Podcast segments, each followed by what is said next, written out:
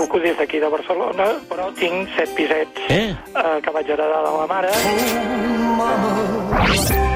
Eh, Set pisos? En el barri de Poble Sec, concretament. No, no puc opinar. Clar, set pisets, no sé si es considera petit propietari, però em sembla una petita gran fortuna, si m'ho deixes dir així. 61.500. Amb el... Jo tampoc eh, no considero, tampoc... A veure, no, no, no és una gran fortuna, Per favor, home, per l'amor de Déu. penalitza l'especulació. Si deixa la política, es dedicarà a, a fer la tesi doctoral i a la docència? I de què viuré, de què menjaré. No en tindria prou. Jo sóc una bona persona i ho sap tothom. La setmana tràgica.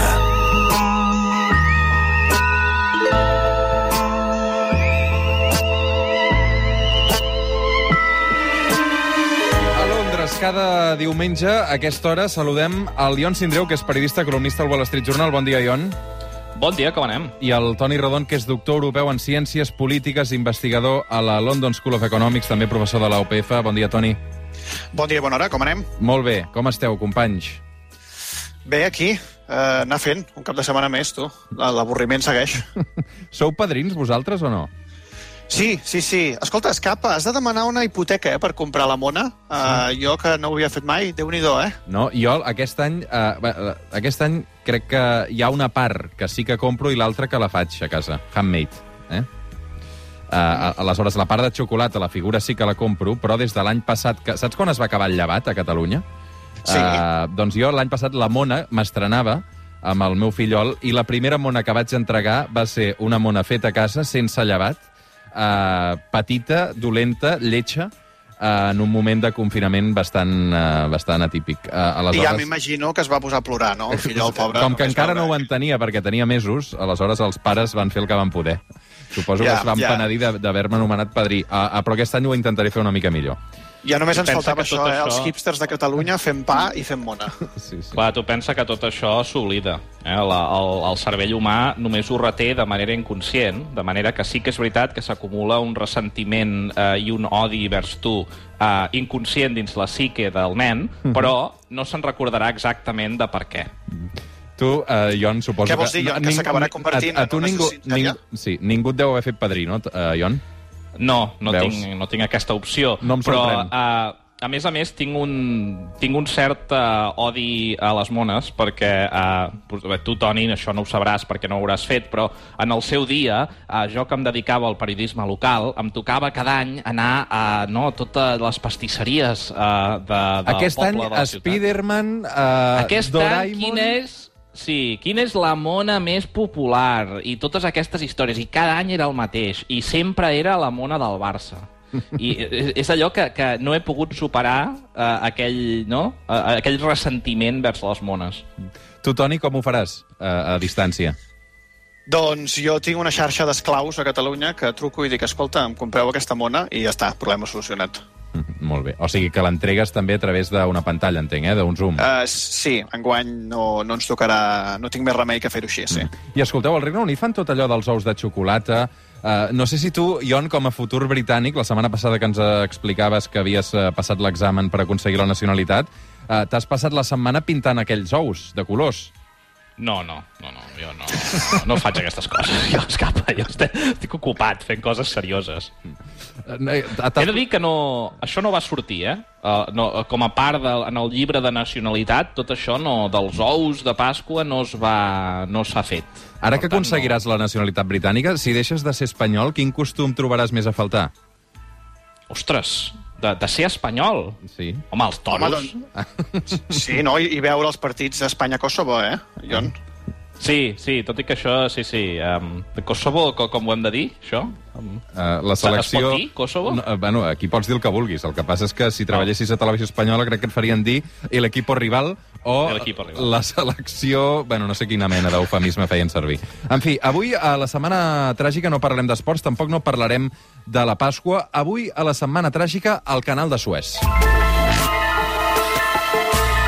Perquè sempre que hi ha vacances, l'actualitat té la generositat de donar-nos una notícia d'aquelles que no t'importa gaire, però que n'acabes molt pendent. Aquesta Setmana Santa ha estat el vaixell encallat al canal de Suez, un tema que es va resoldre ja a principis de setmana, però avui el recuperem amb els tràgics, amb el Sindreu i el Toni Rodon, perquè l'anècdota del vaixell encallat amaga el que realment és important, també. La importància de passos com el canal de Suez. Va, Ion, què és el canal de Suez i per què és tan important i per què ha aturat l'economia, no sé si dir mundial, aquesta última setmana? Sí, potser aturar és una mica massa, però sens dubte ha reverberat no? a través de, de tota l'economia mundial. El canal de Suez, com segurament eh, ja sabeu, és aquest, eh, aquest passatge de 193 eh, quilòmetres, que de fet és l'única connexió eh, marítima eh, de la, a la mar d'Europa amb eh, el mar de l'Aràbia, eh, a l'oceà Índic i als països doncs, de l'àrea de l'Àsia i el Pacífic. Eh, per tant, és, és, una, és una connexió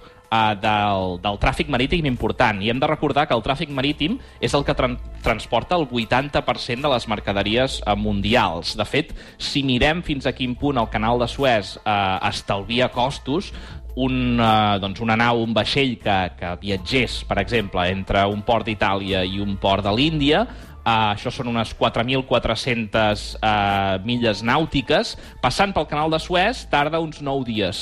Uh, si no tingués el canal de Suez i hagués d'anar a través del cap de, de Nova Esperança, uh, que és vaja, allò, no? al final de l'Àfrica, serien 3 setmanes, uh, unes 10.500 milles nàutiques. Per tant, Uh, no hi ha cap alternativa eh, a passar pel canal de Suez si volem una via econòmica per transportar mercaderies entre l'Àsia i Europa uh, i és per això que unes uh, 19.000 naus hi passen uh, cada any. Um, clar, és, eh, ha estat i sempre històricament, i això segur que el, que el Toni també també n'és conscient, un focus eh, d'importància geopolítica important. Eh, De fet, es, es va construir el 1859, va tardar 10 anys i es veu que eh, hi van morir uns 120.000 treballadors, que és una mica riuten del Mundial de Qatar, eh, d'això. O sigui que, que d'alguna manera... Clar, jo havia sentit molt a parlar també del canal de Panamà, no? No sé si es, es poden comparar a nivell d'importància. Sí, de fet, eh, el canal de Panamà es va fer en part perquè a, a través de l'èxit no? del, del canal de Suez, uh, però heu de pensar que, que el que passa amb el canal de Suez és que, com que aquests mars estan més o menys a un nivell similar, va ser més senzill de fer, uh, no? perquè tu has només vas travessant no, la terra hi ha un moment que connectes. En canvi, el canal de Panamà, eh, que es va començar a construir el 1881, però no es va inaugurar fins al 1914, per tant, a tela, eh, i encara i, i també hi va haver un munt de morts i de problemes, eh, va ser un dels projectes enginyerils com, més complicats que es van fer mai, no? Um, allà també hi passen uns 15.000 vaixells l'any, uh, però per fer-vos una idea de, de com d'important és, uh, resulta que el canal de Panamà està classificat com una de les set meravelles del món modern, que és una cosa que jo no sabia. Es veu que ho fa la Societat Americana d'Enginyers. Quines són les altres Eh, sis, no? Sí, aquí cal dir que és una mica una merdota, eh? perquè si et mires els altres sis, uh, hi ha l'Empire State Building, que dius, Ah. bé, uh, el Golden Gate Bridge, ah. de San Francisco, uh, d'acord, uh, però llavors ja comences amb, amb uh, el, el, el túnel del canal, Mm. no? aquest, aquest que hi ha uh, entre el Regne Unit i França, per sota el mar, la CN Tower de Toronto, La plaça de les Glòries de Barcelona. Clar, comparat amb el colors de rodes, això no, no, no acaba de, no acaba d'estar al mateix nivell, no? Uh, però sí que és veritat que per l'economia mundial és molt important i també el canal de Panamà uh, va tenir una, una connotació uh, geopolítica important perquè, de fet, uh, va ser una de les raons principals que Panamà, el país, uh, aconseguís la seva independència. Toni, Sí, uh, el, el, la crisi que hem viscut aquests dies de, del canal de Suez per mi deixa tres uh, um, aspectes importants. No? El primer són els memes que s'han fet. No? En una època d'avorriment com la que vivim actualment, els memes que hi ha hagut per les xarxes ens han ajudat a sobreviure una mica, la qual cosa no és, és important assenyalar. I, i, I després, una mica més seriosament, el, el canal de Suez, el, el que per mi ha tingut és un, un efecte directe i un efecte que se'n parla molt menys, que és un potencial efecte indirecte a llarg termini. Mm? La- L'efecte directe és bàsicament eh, el caos que ha generat i el caos econòmic. S'estima que el canal de Suez genera uns 5.600 milions de dòlars, que no està gens, eh, gens malament. De fet, eh, eh, es diu doncs, que el, el, eh, Egipte, que és el principal eh, pro- propietari o gestor del canal de Suez, ha perdut uns, uns 16 milions de dòlars eh, aquests dies amb el caos que, que hi ha hagut. Clar, això és important perquè el canal és una font d'ingressos notables pel règim egipci, de fet, per la junta militar que governa eh, Egipte actualment, i, eh, de fet, només cal veure qui gestiona el canal de, de Suez, que és doncs, un, un militar que ha estat posat a dit doncs, pel, per el Sisi, que és el, el, el militar barra president de- d'Egipte. No? Per tant, eh, ja ha tingut un efecte econòmic important, no només pel fet doncs, que hi ha alguns eh, clients europeus que no han rebut el seu moble d'IKEA a temps, sinó pel fet doncs, que pot provocar una mica d'inestabilitat a la regió a, a, a nivell de, econòmic. No? I després hi ha un altre punt que és l'efecte a, a llarg termini. L'efecte a llarg termini eh, és interessant i veurem si es produeix, però té a veure una mica amb totes aquestes aliances que hi ha a, a la regió. La qüestió és que eh, sobretot aquí hi, hi ha hagut com una mena de joc geopolític eh, que pot eh, desenvolupar-se en el futur entre eh, Egipte, els Emirats Àrabs Units i Israel. I per què dic això? Doncs dic això perquè Egipte, eh, quan va haver-hi el cop d'estat eh, que va fer que el Sisi, que és el, el militar president actual, eh, governés, va rebre la, el suport dels Emirats Àrabs Units, sobretot. Però resulta que els Emirats Àrabs Units s'han cansat una mica, mm, perquè tenen la sensació que només envien diners al règim egipci per, perquè es consolidi. I eh, es deia, o hi ha el rumor, eh, i sembla que podria ser així, que eh, els Emirats Àrabs Units eh, han firmat un acord l'any passat amb Israel i eh, l'acord consistiria, a la lletra petita, en desviar part del trànsit del canal de Suez cap a Israel. No? Per tant, aquesta crisi d'aquests dies potser pot acabar d'accelerar d'accelerar aquesta qüestió i acabar doncs, de donar una mica més de, de moguda a aquesta regió del món que precisament calmada no, no seria. Ion, d'alguna manera el que ha passat aquests dies al, al, al canal de Suez eh, ens fa preguntar també si tenim prou present el, el control marítim, no? Uh, sí, bé, és que aquí, uh, quan parlem de les grans invencions de la història de la humanitat, o les més importants, les que han tingut impacte en l'economia, uh, doncs clar, pensem en l'electricitat, pensem en l'internet, pensem en totes aquestes coses, però de fet n'hi ha una uh, que la gent no té en ment, uh, però que ha estat pràcticament, uh, no sé si tan important, no tan important tampoc, uh, però extremadament important pel desenvolupament econòmic de les darreres dècades, que és el que se'n diu la containerització. Uh, hem de pensar que durant uh, tota la història de la humanitat uh, la càrrega, no? els, els vents que es portaven en els vaixells, doncs uh, es carregaven allò objecte a objecte no? i es distribuïen allò en el buc, com, com podria ser jo doncs, agafant no? el, el, tots els, les meves andròmines de casa meva i posar-les en un magatzem, doncs una mica el mateix. Això, evidentment, es tardava molt, es tardava una setmana o més a carregar un vaixell, um, i era molt car i molt ineficient.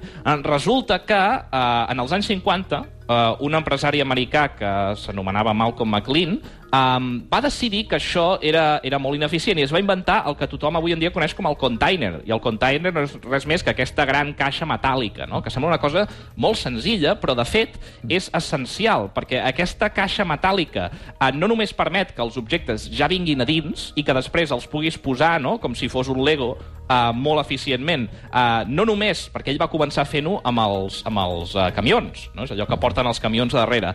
Uh, no només en el camió, sinó també a dins del vaixell. Això fa que en unes poques hores es carregui un vaixell, que els vaixells puguin anar molt més plens i, per tant, es pugui transportar pel mateix cost uh, no? més mercaderia més lluny uh, i uh, que, per tant, uh, es, es pugui crear un nou tipus d'economia. No? És el que jo sempre dic uh, en aquest programa és les economies d'escala. No? És a dir, I que com això, podem això, fer... això jo no t'hi cap en un avió o en un tren, segurament, no?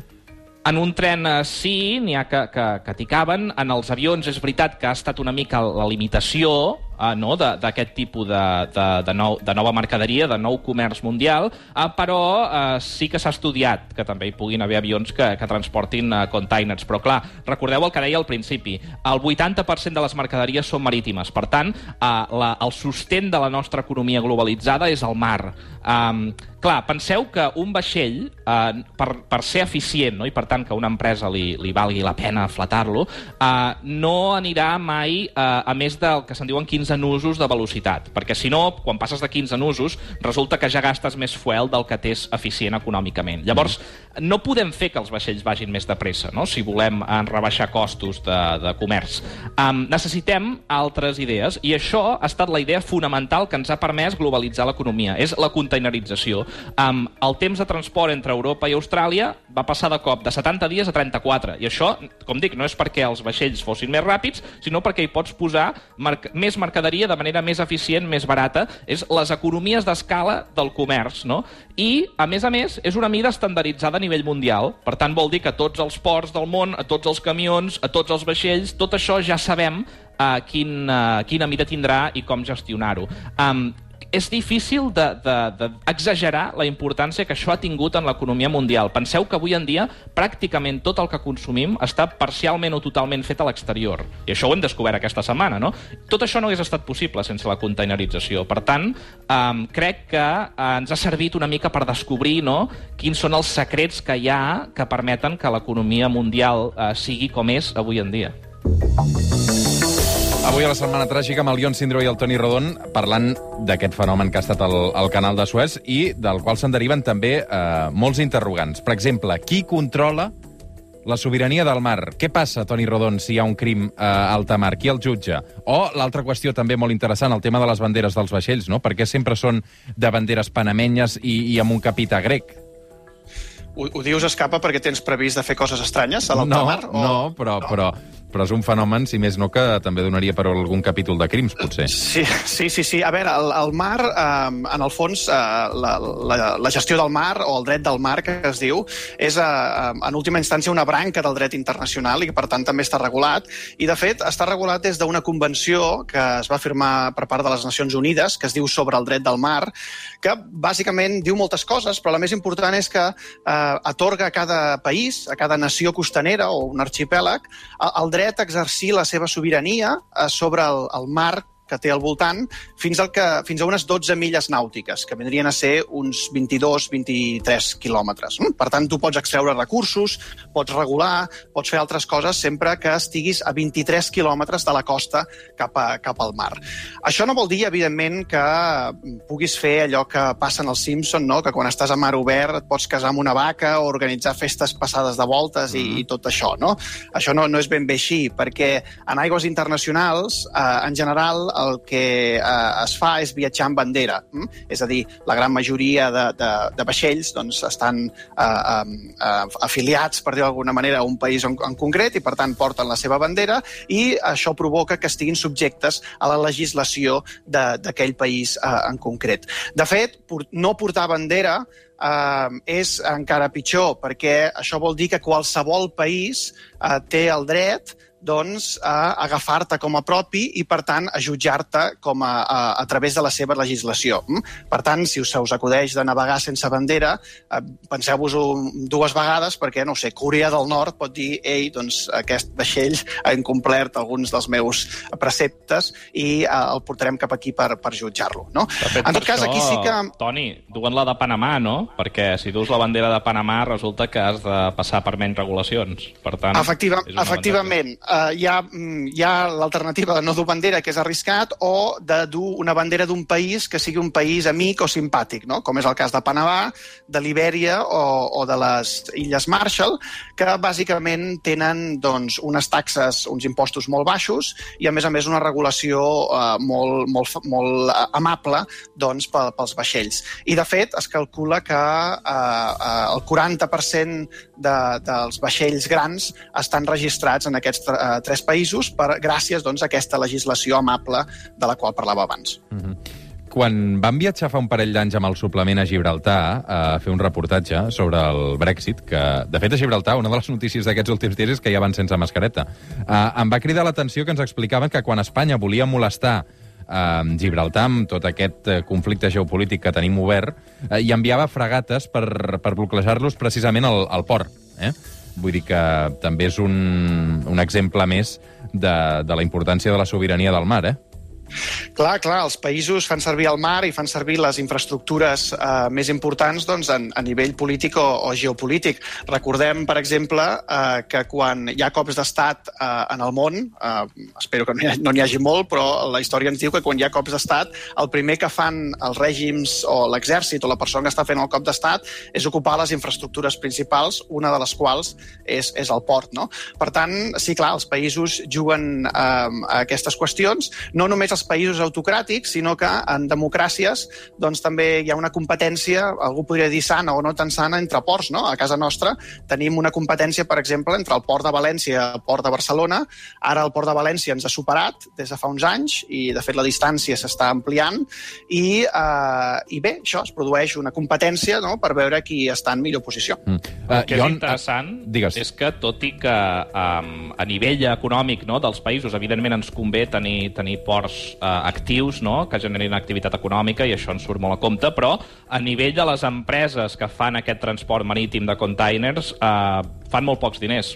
Uh, hom diria no, que amb la globalització uh, aquesta gent s'ha fet d'or i, evidentment, hi ha empresaris concrets uh, que s'han fet d'or, propietaris de- no, d'aquest no, tipus d'empreses. A Grècia n'hi ha un fotimer, però, en general, són empreses que fan molt pocs diners perquè hi ha una tendència a construir sempre més vaixells dels necessaris. És una d'aquelles coses curioses, no? Ion, en aquests contenidors tan immensos, eh, i que dius que són universals a tot el planeta, eh, els que arriben a Barcelona, què, què porten? A què s'hi transporta? No, s'hi transporta de tot. Vull dir, des de, de, de fet, actualment, i aquesta és precisament la gran innovació de la containerització, cada vegada s'hi transporten uh, objectes més petits no? i més nínxols. Ja no és només que s'hi transportin mobles, que s'hi transportin uh, xips, tot el que es manufactura a la Xina, però també s'hi transporten, com, com s'ha fet sempre, no? bestiar i, i tot tipus de coses. Per tant, avui en dia, pràcticament, uh, és, és, el que, és el que en economia s'anomena les cadenes de subministrament. No? És, és que avui en dia tot, tot objecte manufacturat té milers de components i aquests components han circulat d'un país a l'altre. És a dir, no hi ha pràcticament cap producte manufacturat que estigui fet eh, tot en una localització, perquè precisament gràcies als containers és tan barat de passar-se les peces entre països que es fa tot allà on concretament és més eficient. I això, com hem parlat també en aquest programa, a vegades té problemes, no? I ho hem, i ho hem vist amb l'escassetat dels xips, en què tu et penses que tot anirà perfectament, però resulta que després doncs, tens problemes de fabricació o tens problemes al canal de Suez i tota aquesta complicada enginyeria de comerç que has muntat doncs no funciona. Un últim apunt interessant sobre el canal de Suez és que ens, ens fixem tots molt en, eh, en la incapacitat de fer que un vaixell vagi recte i s'embarranqui en el canal de Suez, però, de fet, un dels principals perills pel canal de Suez no és el propi canal de Suez o les persones que porten el vaixell, sinó el canvi climàtic, perquè eh, cada vegada més es fa servir una altra ruta, que és la ruta de l'oceà Àrtic, que abans no es podia navegar perquè hi havia gel i ara, eh, eh, per culpa de l'escalfament global, doncs, s'està s'està obrint. I si això es consolida, doncs, pot fer que el trànsit per aquella zona del món, que la zona d'Egipte i de, de la península aràbica, disminueixi en favor doncs, d'altres països, com, com per exemple Rússia. Mm. Avui, la setmana tràgica, el canal de Suez i els containers. Eh, abans el, el Lion ens explicava que durant la construcció del canal de Suez eh, 20.000 treballadors van, van morir. Eh, aquests dies que són dies de penitència i de resurrecció, aquí posaríeu pic i pala per tancar. Uf, Una pregunta. Hòstia. Aquest silenci interpreto que estàs pensant, eh, Jon? és que no em vull posar en un jardí. Ah. Um, val, jo en tinc una. A veure. Ah, el, el C Tangana aquest, de qui parleu tant, és que no, no, no tinc nocions, eh, però... Doncs el van portar fa un parell de setmanes al suplement i la veritat Sí. és que em va interessar molt. No et va agradar, Val. no et va agradar el personatge. No, no, no, no. O l'entrevista. No sé, em va, em va xocar. Vaig veure que de cop aquest senyor és molt famós i que l'entrevistes i tal, però no, no, no doncs tinc ni idea. et recomano moltíssim que escoltis el disc perquè a mi m'ha sorprès molt positivament. I és més, uh, l'escolto sovint. El madrileño es diu el disc. Doncs és una persona que a més és un, un home de negocis, eh? Vull dir que potser, Ah, sí? potser sí, perquè tota la seva música la ven ell i se l'ha de produir i tota la pesca. Recupera l'entrevista que li han fet, que segur que t'agrada. Sí, sí, avui en dia la gent produeix música més que fer-la. Molt bé. Uh, Toni Rodon, una abraçada, cuida't molt. Que vagi molt bé. Eh, Ion, ànims amb el que hagi de venir, amb la Pasqua i tot això. Eh? Sempre ànim, sempre. Cuideu-vos. Adéu, adéu. Catalunya Ràdio. El suplement. Roger Escapa.